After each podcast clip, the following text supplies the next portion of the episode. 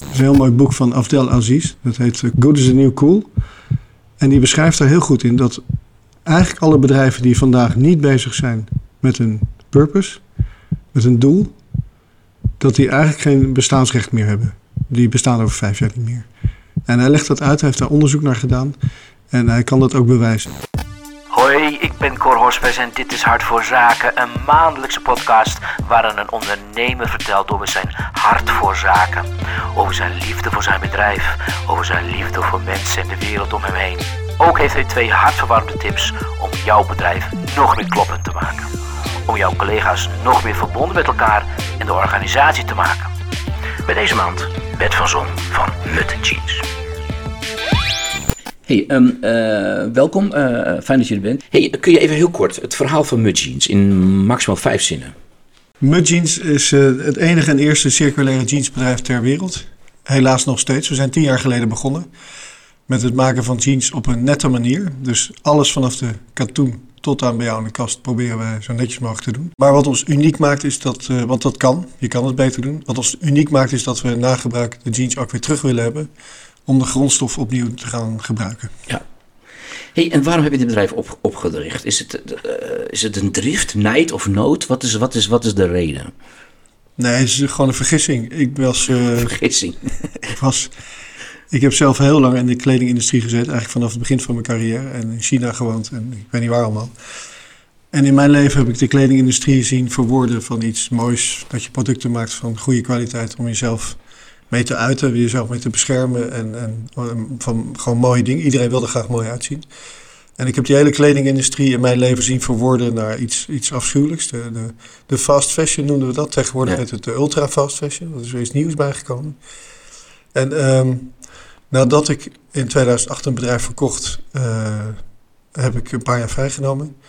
En in die tijd gaan nadenken, oké, wat, wat nu? Uh, ben je jaar 50, heb je wat centjes voor je uit.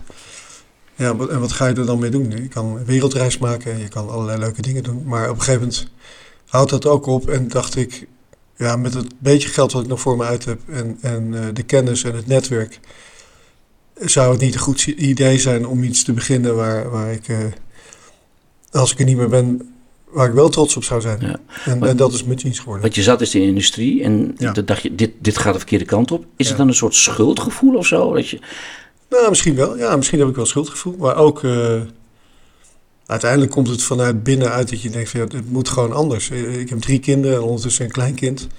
En, en wat laat je dan na hier? Maar het is toch gek hè, dat je daar een sabbatical jaar voor nodig hebt om ja. ineens dingen helder of, nou, helder of anders te zien. Ja, dat is misschien inderdaad wel raar. Maar zo is het wel. Kan ik ook niet verklaren. Maar, maar nou, het is wel te verklaren. Als je gewoon je geest tot rust komt. En, en, en, maar dat duurt ook een tijdje dan, dan, dan heb je tijd om, uh, om andere dingen binnen te laten komen. En je verbonden te voelen met, met, met de wereld en de mensen om je heen. En het komt een beetje uit, uit denk ik, uh, met achtergrond van onze generatie. Nou, niet te veel. Mijn generatie is natuurlijk enorm verwend opgevoed. Nou, weet je, mijn ouders kwamen uit de oorlog, die hebben alleen maar slechts meegemaakt. En, en wij hebben het eigenlijk alleen maar goed gehad. En alleen maar groei. En alleen, daar ga je mee met die stroom van van fantastische dingen eigenlijk. We hebben kunnen reizen, we hebben alles kunnen doen eigenlijk. Totdat je op een gegeven moment denkt van ja, wat we nu aan het doen zijn, dat is niet volhoudbaar. Dat stopt op een gegeven moment. We zijn met z'n allen heel hard op een muur aan het afrijden. Zonder dat we het eigenlijk willen toegeven aan elkaar. Ja, want je noemde ze net uh, mijn kinderen. Uh, dat was wel, ja. Is dat ineens dan het inzicht dat je echt, ik heb kinderen, waar ben ik in godsnaam mee bezig? Ja, dat voor mij wel, ja, absoluut. Wat, wat laat je ze na? Eigenlijk laten we ze één grote hoop ellende na. En, en het is ook oneerlijk wat we doen. Hè? Mijn nog, nogmaals, onze generatie die, die heeft zoiets van... nou, die generatie na ons lost het wel op. Nou, dat vind ik echt bullshit. Wij hebben het gecreëerd, dit probleem, maar we moeten het ook oplossen, vind ik. En daar moet je alles voor inzetten. Je geld, je tijd, je energie, je kennis, je ervaring, alles. Dat ben je gewoon verplicht, vind ik. Ja, goed, jij bent tot het inzicht gekomen. Heel veel generatiegenoten van jou, die zitten nog steeds in ja, de, de torens van Unilever en de Procter Gamble en weet ik veel wat. Ja. Praat je daar wel eens met hen over? Of zitten ze naar jou te kijken van... Dan heb je die gek. Jawel, natuurlijk praat ik met mijn vrienden over. En ze praten er ook wel met mij over. Ik moet zelfs soms het gesprek afremmen dat je niet mijn groep vrienden iets aan en het alleen maar over mudjeans gaat. Dat, dat vind ik ook niet prettig. Maar je wordt wel weggezet van... Uh, er is wel bewondering, merk je. Maar het is ook wel zo van, ja, weet je, nu moet je gewoon weer even normaal gaan doen en geld gaan verdienen. Want, want dit is gewoon een hele dure hobby uiteindelijk. Kun je dat duiden? Nou ja, om, om een duurzaam uh, jeans kledingmerk op te zetten. Uh, uiteindelijk heb je een mooi verhaal, maar je doet mee aan de grote gemene wereld van, van de jeansindustrie. Waar merken oneindige budgetten hebben omdat ze jeans kopen voor een derde van de prijs van wat wij ervoor betalen. En dus heel veel marge hebben om te gebruiken aan, aan eh, marketing. Ja, en daar ben je tegen aan het vechten. Ja, en hoe doe je dat? Dus kan je slim zijn met je, met social media tegenwoordig en helemaal dat soort dingen. Maar dat is uiteindelijk toch niet goed genoeg. Wij moeten ook kunnen smijten met geld. En uh, dure reclames kunnen maken. En uh, een stoere meneer uit een vliegtuig uh, kunnen laten stappen voor het journaal en dat soort dingen. Ja, dat moet echt? Nou, schijnbaar wel, ja, want we groeien niet hard genoeg. We zijn nu tien jaar bezig en eigenlijk nog steeds een niche player. En dat, dat vind ik jammer. Hoe komt dat nou? Want met name de jongere generatie, die heeft zijn mond vol over duurzaamheid en, en mm. dat soort dingen. Die zouden dus aan mars achter je aan moeten lopen. Nee, daar ben ik niet mee eens. Daar ben ik het absoluut niet mee eens. Nee, het is... Uh, we, we, moeten ook goed onderzoek gaan doen naar onze klantenkringen. Want dat, dat weten we eigenlijk nog steeds niet heel duidelijk. Maar ik denk dat er een tweesplitsing is in de jeugd. Dat er, mensen, dat er jonge mensen zijn die, die, die het snappen en denken... Van, en ook die studies doen, weet je wel, voor duurzaamheid en dat soort dingen. En die echt heel gemotiveerd zijn om het anders. Die, die, die hoor je spreken over, ik ga een jaar geen kleding kopen en allemaal dat soort dingen. Maar er is ook een helft die daar absoluut uh, scheid aan heeft. En gewoon doorgaat met heel veel vliegen en dure auto's rijden. En, dus dat is niet waar. En uh, wat ik meer zie in mijn omgeving, mensen die drie kinderen hebben, hoger opgeleid vanaf 35, die hebben sneller het gevoel van, ja, ik moet toch wel duidelijkere keuzes gaan maken. Ja, want het is een hele verhaal, een mooi verhaal dat die hele Gen Z en millennials allemaal zo duurzaam bevlogen zouden zijn. Dat is gelul. Ja. Nee, je moet gewoon. Eh, eh, en iedereen tussen de 8 en 88 kan mijn jeans kopen, vind ik altijd. En dat is uh, het meisje van achter tegen de ouders zegt: Ik wil graag mijn maandgeld, dat tientje gebruiken om een jeans te leasen bij mijn jeans. En dat is ook meneer Sortie uit Wassenaar die, die opbelt en zegt: ja, Ik wil graag drie jeans bestellen. Die geen telefoon heeft of geen computer bedoel ik. En gewoon zegt, uh, doe maar drie van die blauwe. En uh, welke maat? Ja, dan moet ik ook nog mijn maat zeggen, weet je Ja, die, drie van die blauwe jeans, ja. Ja, doe maar van die blauwe. ja, dat is toch geweldig? Ja. Maar die had ons verhaal gehoord en die zei, ja, ik, ik, wil, ik wil dat. En ik heb korte benen, maar dan weet ik dan, laat ik dat hier op de hoek bij de kleermaker korter maken. is geen probleem. Die, die heb ik een kwartier aan de telefoon gehad. En mijn collega's dachten van, nou, de, die Bert die wordt gigantisch in de, in de maling genomen. Die zit in Radio 538. En, uh, maar dat was echt zo. Jongens, genoeg te bepraten. Dit is Hart voor Zaken. Take it away, boys!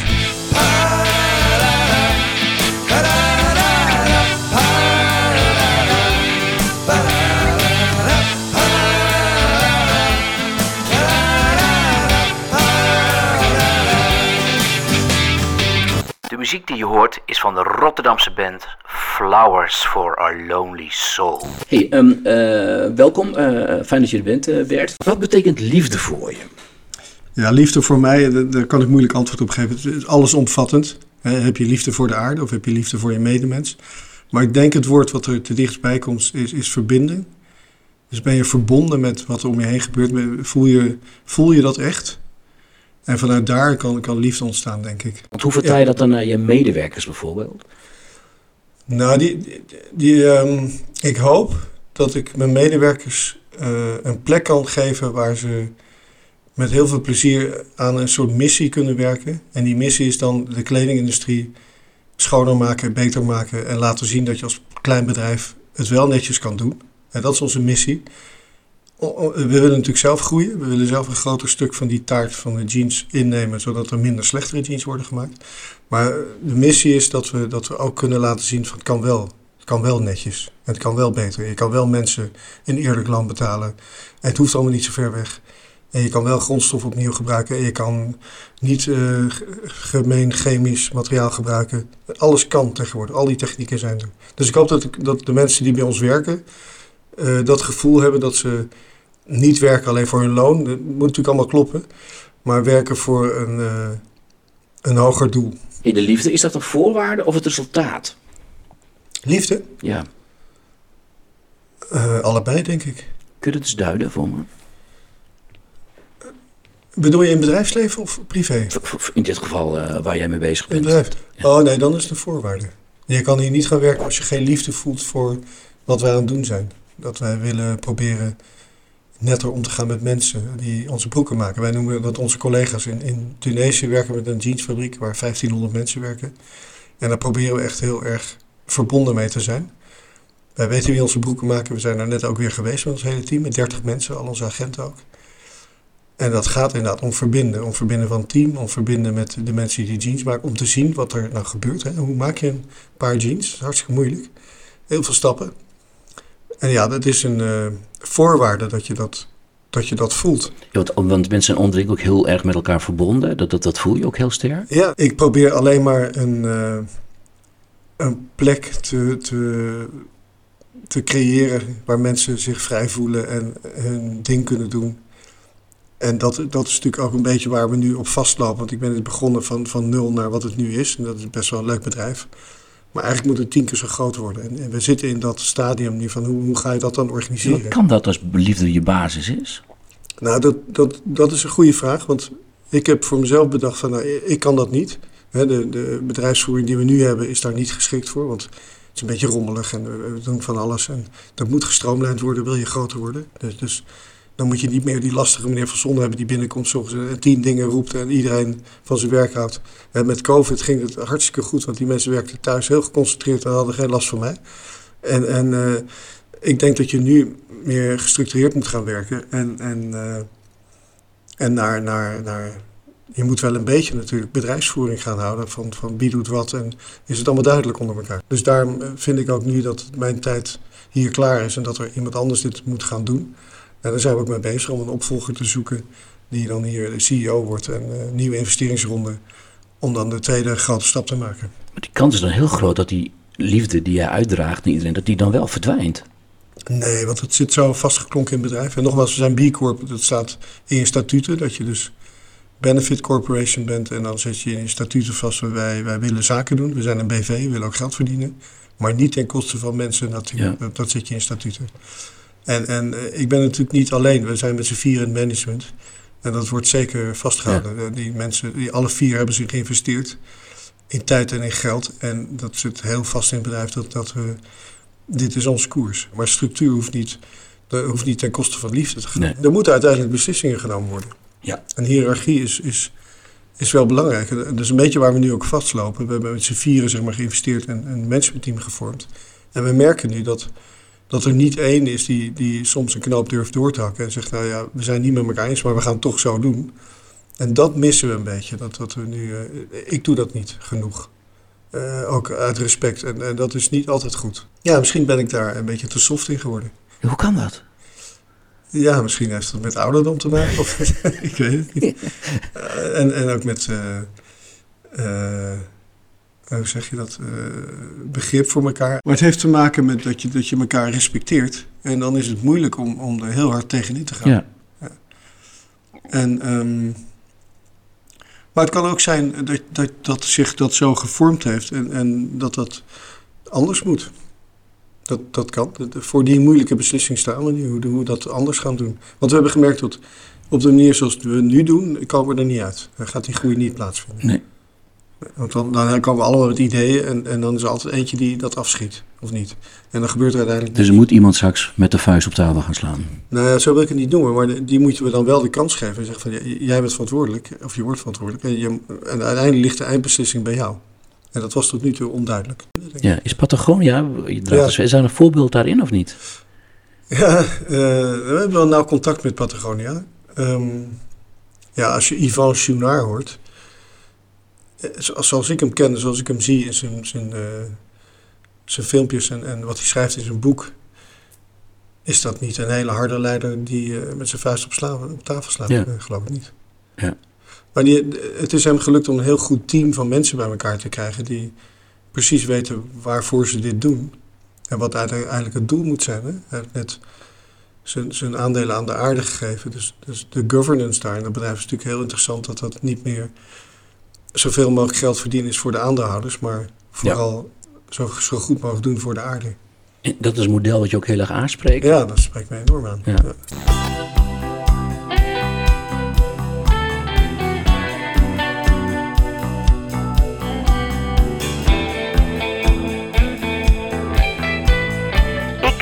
en de actualiteit. Duurzaamheid als trucje, daar erger je je vreselijk aan. Ja, duurzaamheid als trucje, ja. Ja, nee, dat is, dat is heel vervelend voor ons. Dat is greenwashing en dat betekent dat wij als bedrijf minder kans maken, omdat je eigenlijk daar heb je wetgeving voor nodig, dat er een level playing field gecreëerd wordt, zodat je als consument eerlijk kan kiezen en duidelijkheid hebt over wat er gesproken wordt door andere bedrijven. Dus wij, wij, zijn, wij noemen onszelf radicaal transparant. Dat betekent dat je alles van ons kan zien. Je kan, eh, we, we doen nergens geheimzinnig over. En uiteindelijk bij alle kledingbedrijven, durf ik al te zeggen, eh, worden ergens wel um, deurtjes dichtgehouden en kan je dingen niet zien. Nee, maar goed, behalve dan Patagonia waarschijnlijk, die is ook nog relatief ja, die, transparant, over. Ja. ja, dat klopt. Maar het is natuurlijk het is, het, is een trend, greenwashing. Hè? Dus iedereen denkt waarschijnlijk, oh, dat mud jeans zou wel hetzelfde zijn. Dat bedoel je, dat, dat, dat, dat zit dus daarom ons in de weg. Ja, dat klopt. Wat kun je daar dan doen? Nou, wij kunnen van onszelf uh, heel transparant zijn, wat ik net al zei. En, we kunnen, wij proberen, wij noemen dat positief activisme. Uh, als, je, als je ingeschreven bent om, op onze nieuwsbrief, doe dat vooral. Uh, als je ons ziet op onze social media kanalen, Insta bijvoorbeeld, dan zie je dat we proberen uit te leggen wat we doen. We, we laten de binnenkant van de fabriek zien waar we mee werken. We vertellen hoeveel um, stof er van oude spijkerbroeken in onze nieuwe broek zit en, en hoe we dat dan doen. Dus we proberen uit te leggen en openheid te geven van wat we doen. Dus het is niet een lege huls dat wij zeggen wij recyclen, uh, full stop. Daar. Nee, bij ons kan je alles zien. En dus dat is een manier van uh, proberen uh, over te komen dat je het echt doet wat je zegt. Ja, en, en wij vinden niet dat je met het groene vingertje moet gaan wijzen. Dus gaan zeggen van nou, dat is allemaal slecht en dit is niet goed en dat is niet goed. Maar we komen meer met oplossingen. Positief activisme. Ja.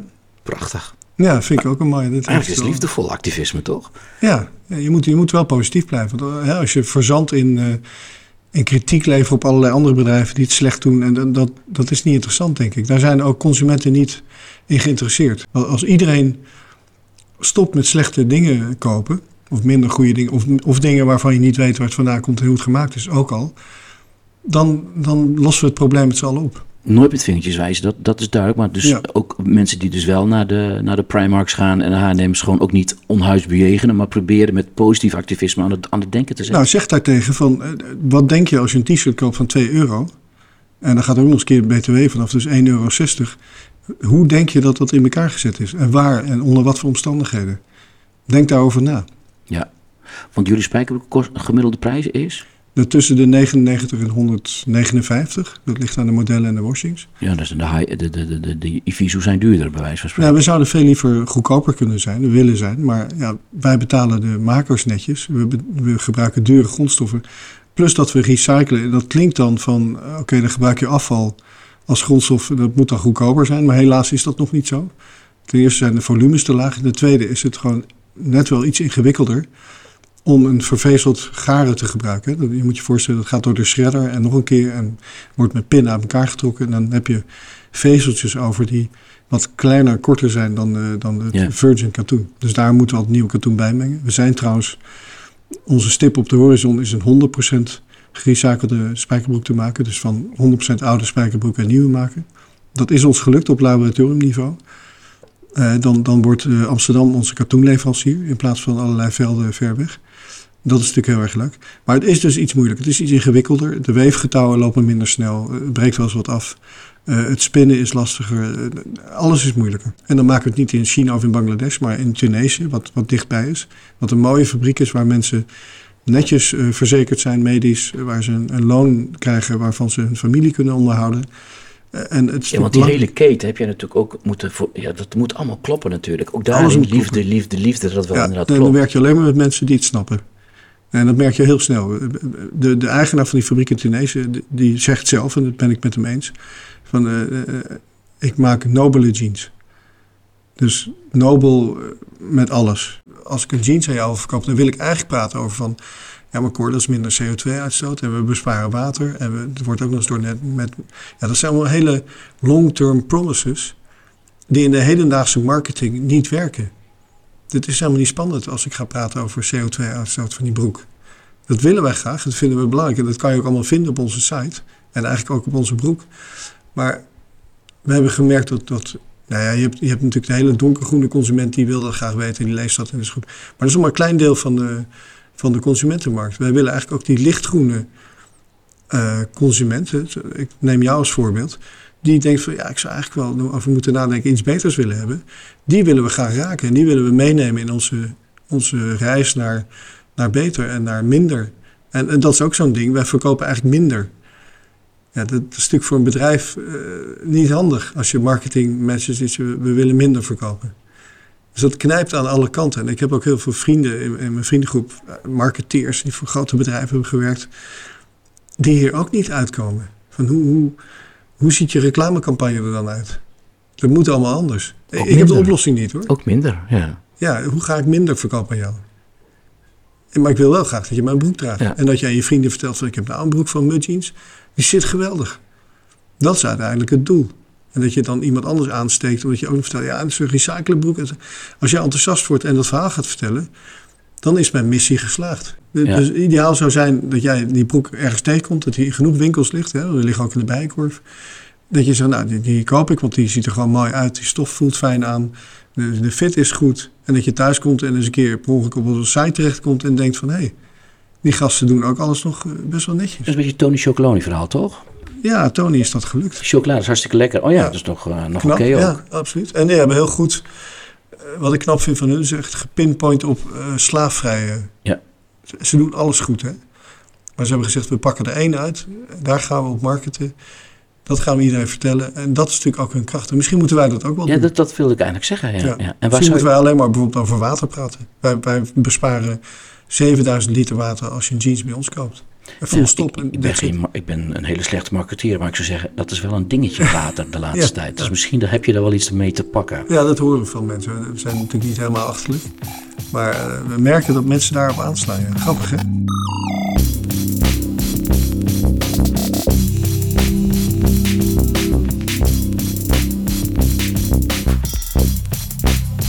De stelling. De stelling. De stelling. De stelling. Liefde is voorwaarde voor business. Ja, dat vind ik wel. Kun je het duiden waarom, waarom je dat vindt? Nee, je kan het ook omdraaien. Als het niet zo is, wat, waarom doe je dan zaken? Dus als er geen liefde is, als je geen gevoel hebt met wat je doet en wat je koopt, als je daar niks van liefde voor voelt, dan, dan gebeurt het toch niet? Maar heel veel bedrijven beginnen gewoon een bedrijf omdat ze geld willen verdienen. Ja, dat mag ook. Maar niet omdat ze daar dan zoveel liefde voor hebben. Nee, dat is jammer. Ja. En dan is dat sneu voor die bedrijven en die mensen die daar werken, denk ik. Ja. En ik denk dat je er ook geen...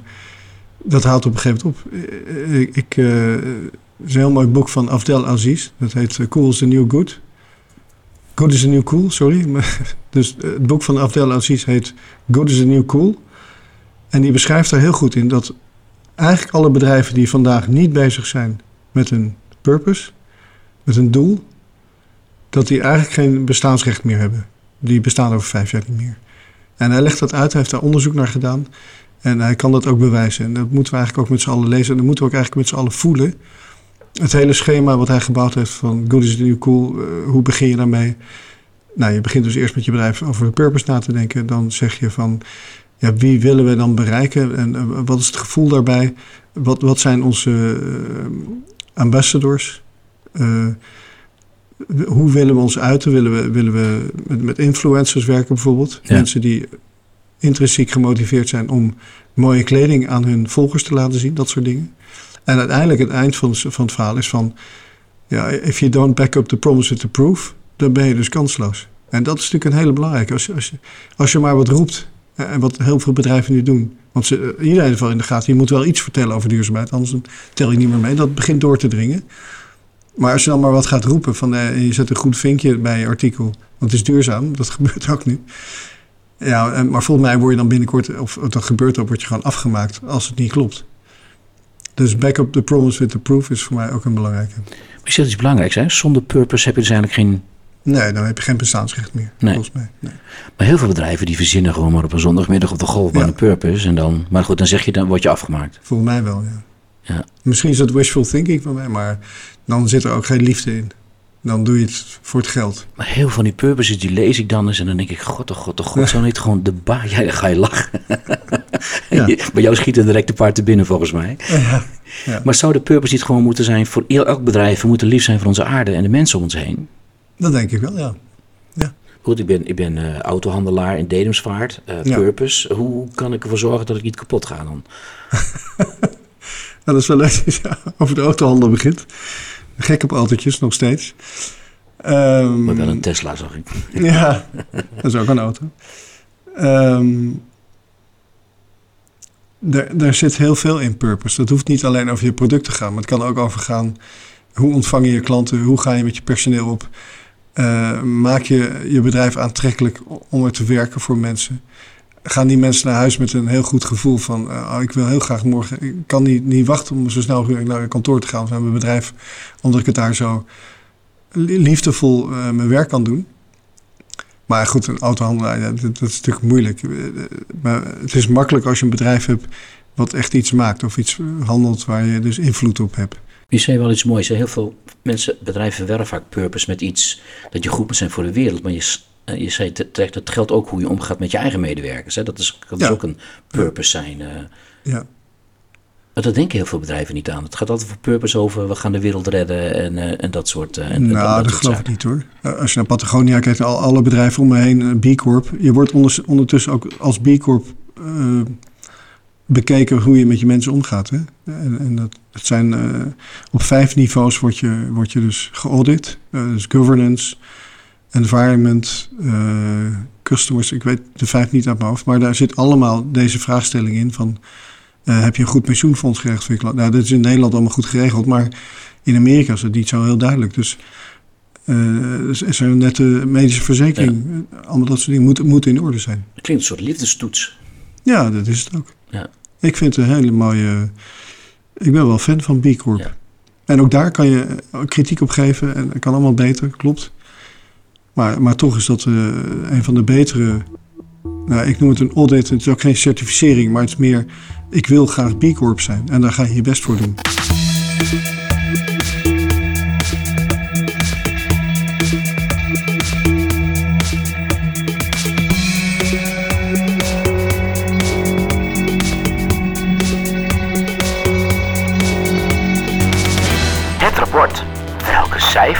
Geef ik mijzelf? Eh, wat voor cijfer geef je jezelf tussen de 0 en de 10? Als, wat, als mens of als... Eh, Op het gebied van luisteren. Oh jee. Nou, net een voldoende. Ja. Oei, Zoals ik zeg maar mijn havendiploma heb gehaald. Een 6 min. een 6 min. Ja. Wat maakt je tot een zo'n 6 min luisteraar? Nou, ik denk dat het heel menselijk is eh, om niet goed te luisteren. Je hebt heel snel je mening klaar. Daar, daar, daar, daar eh, herken ik mezelf, betrap ik mezelf ook wel op. Dat ik af en toe te snel eh, mijn mening klaar heb. En niet goed geluisterd heb. Dat is niet echt liefdevol. Nee, maar dat, dat klopt. Wat, maar wat is dat toch, hè? luisteren? Is, waarom is dat zo moeilijk, ook voor jou? Nou, misschien. eh, Je bent natuurlijk als mens gevormd. Ik, ik ben nu eh, 61. Je, je hebt heel veel meegemaakt in je leven. En soms heb je wel het gevoel van: eh, ik, ik weet het allemaal wel. En ik hoef niet meer te luisteren, want, want ik heb mijn eh, antwoord al klaar.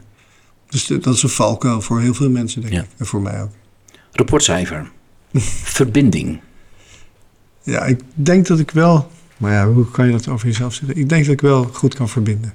Ik hoop het wel. Maar verbinden is ook niet alleen met mensen, maar ook met natuur. En, en is ook gevoel.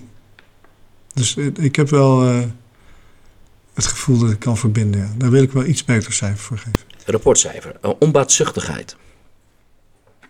Poeh. Dat is een moeilijke. Onbaatzuchtigheid. Ehm, over of ik onbaatzuchtig ben? Ja, in de business, hè? echte liefde is onbaatzuchtig. Ja.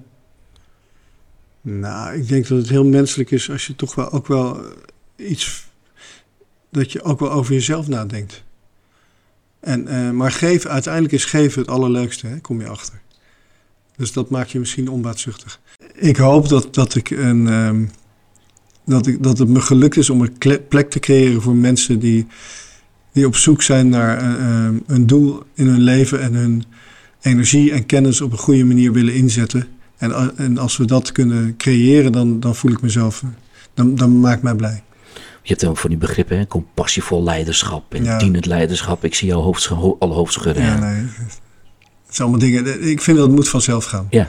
Ik ben ook een beetje wars van allerlei dat soort coachings en dat soort dingen. Ik vind, als dat niet in je zit en, en je moet dat leren extern, nou, dan, dan is er iets met je aan de hand.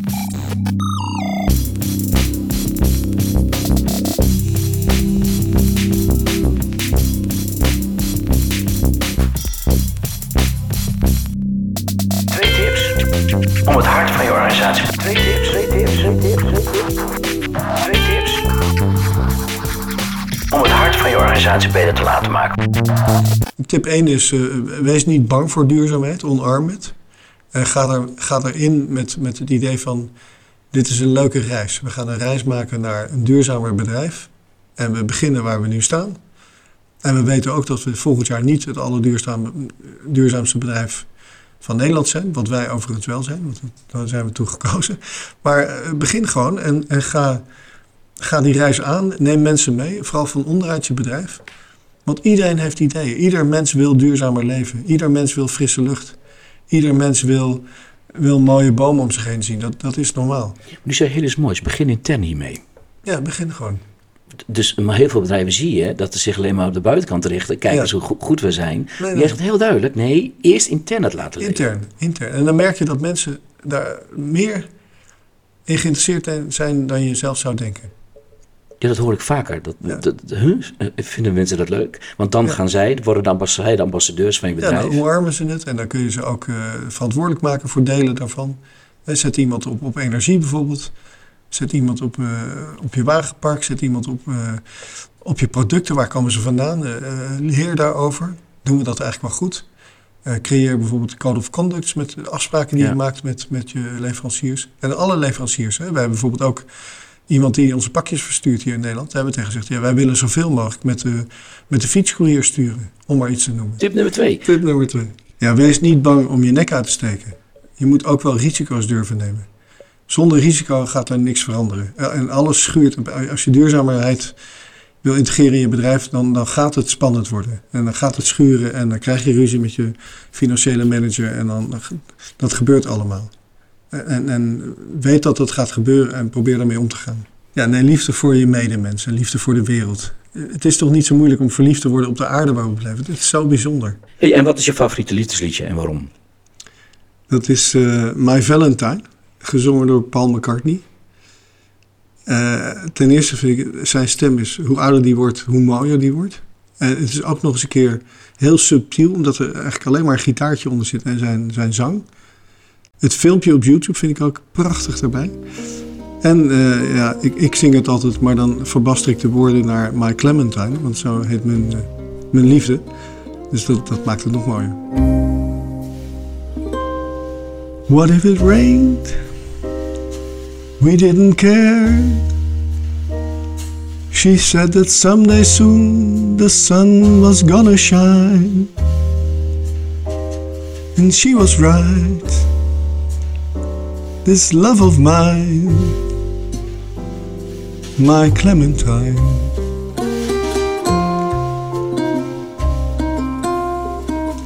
As days and nights would pass me by,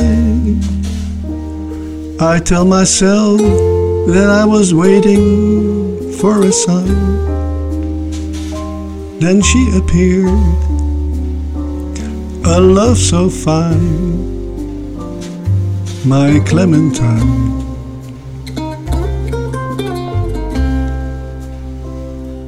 And I will love her for life, and I will never let a day go by without remembering the reason why. She makes me certain that I can fly. And so I do without a care. I know that someday soon the sun is gonna shine and she'll be there. This love of mine, my Clementine. Prachtig. Dat heb je heel vaak gezongen volgens mij vroeger, of niet? Eh, Of elke dag nog? Elke dag. Elke dag, ja. Ja. Hey, vond je het leuk? Heel leuk, ja. Dank je. Dankjewel. Graag gedaan. En eh, heel fijn op deze plek te zijn. Ik, vond het, eh, Ja, ik, zo ik maar. hoop je vaak te komen. Nou, dat kan. Ik ben het altijd wel. Ja, dankjewel. En, en nu eh, staat het een beetje stil.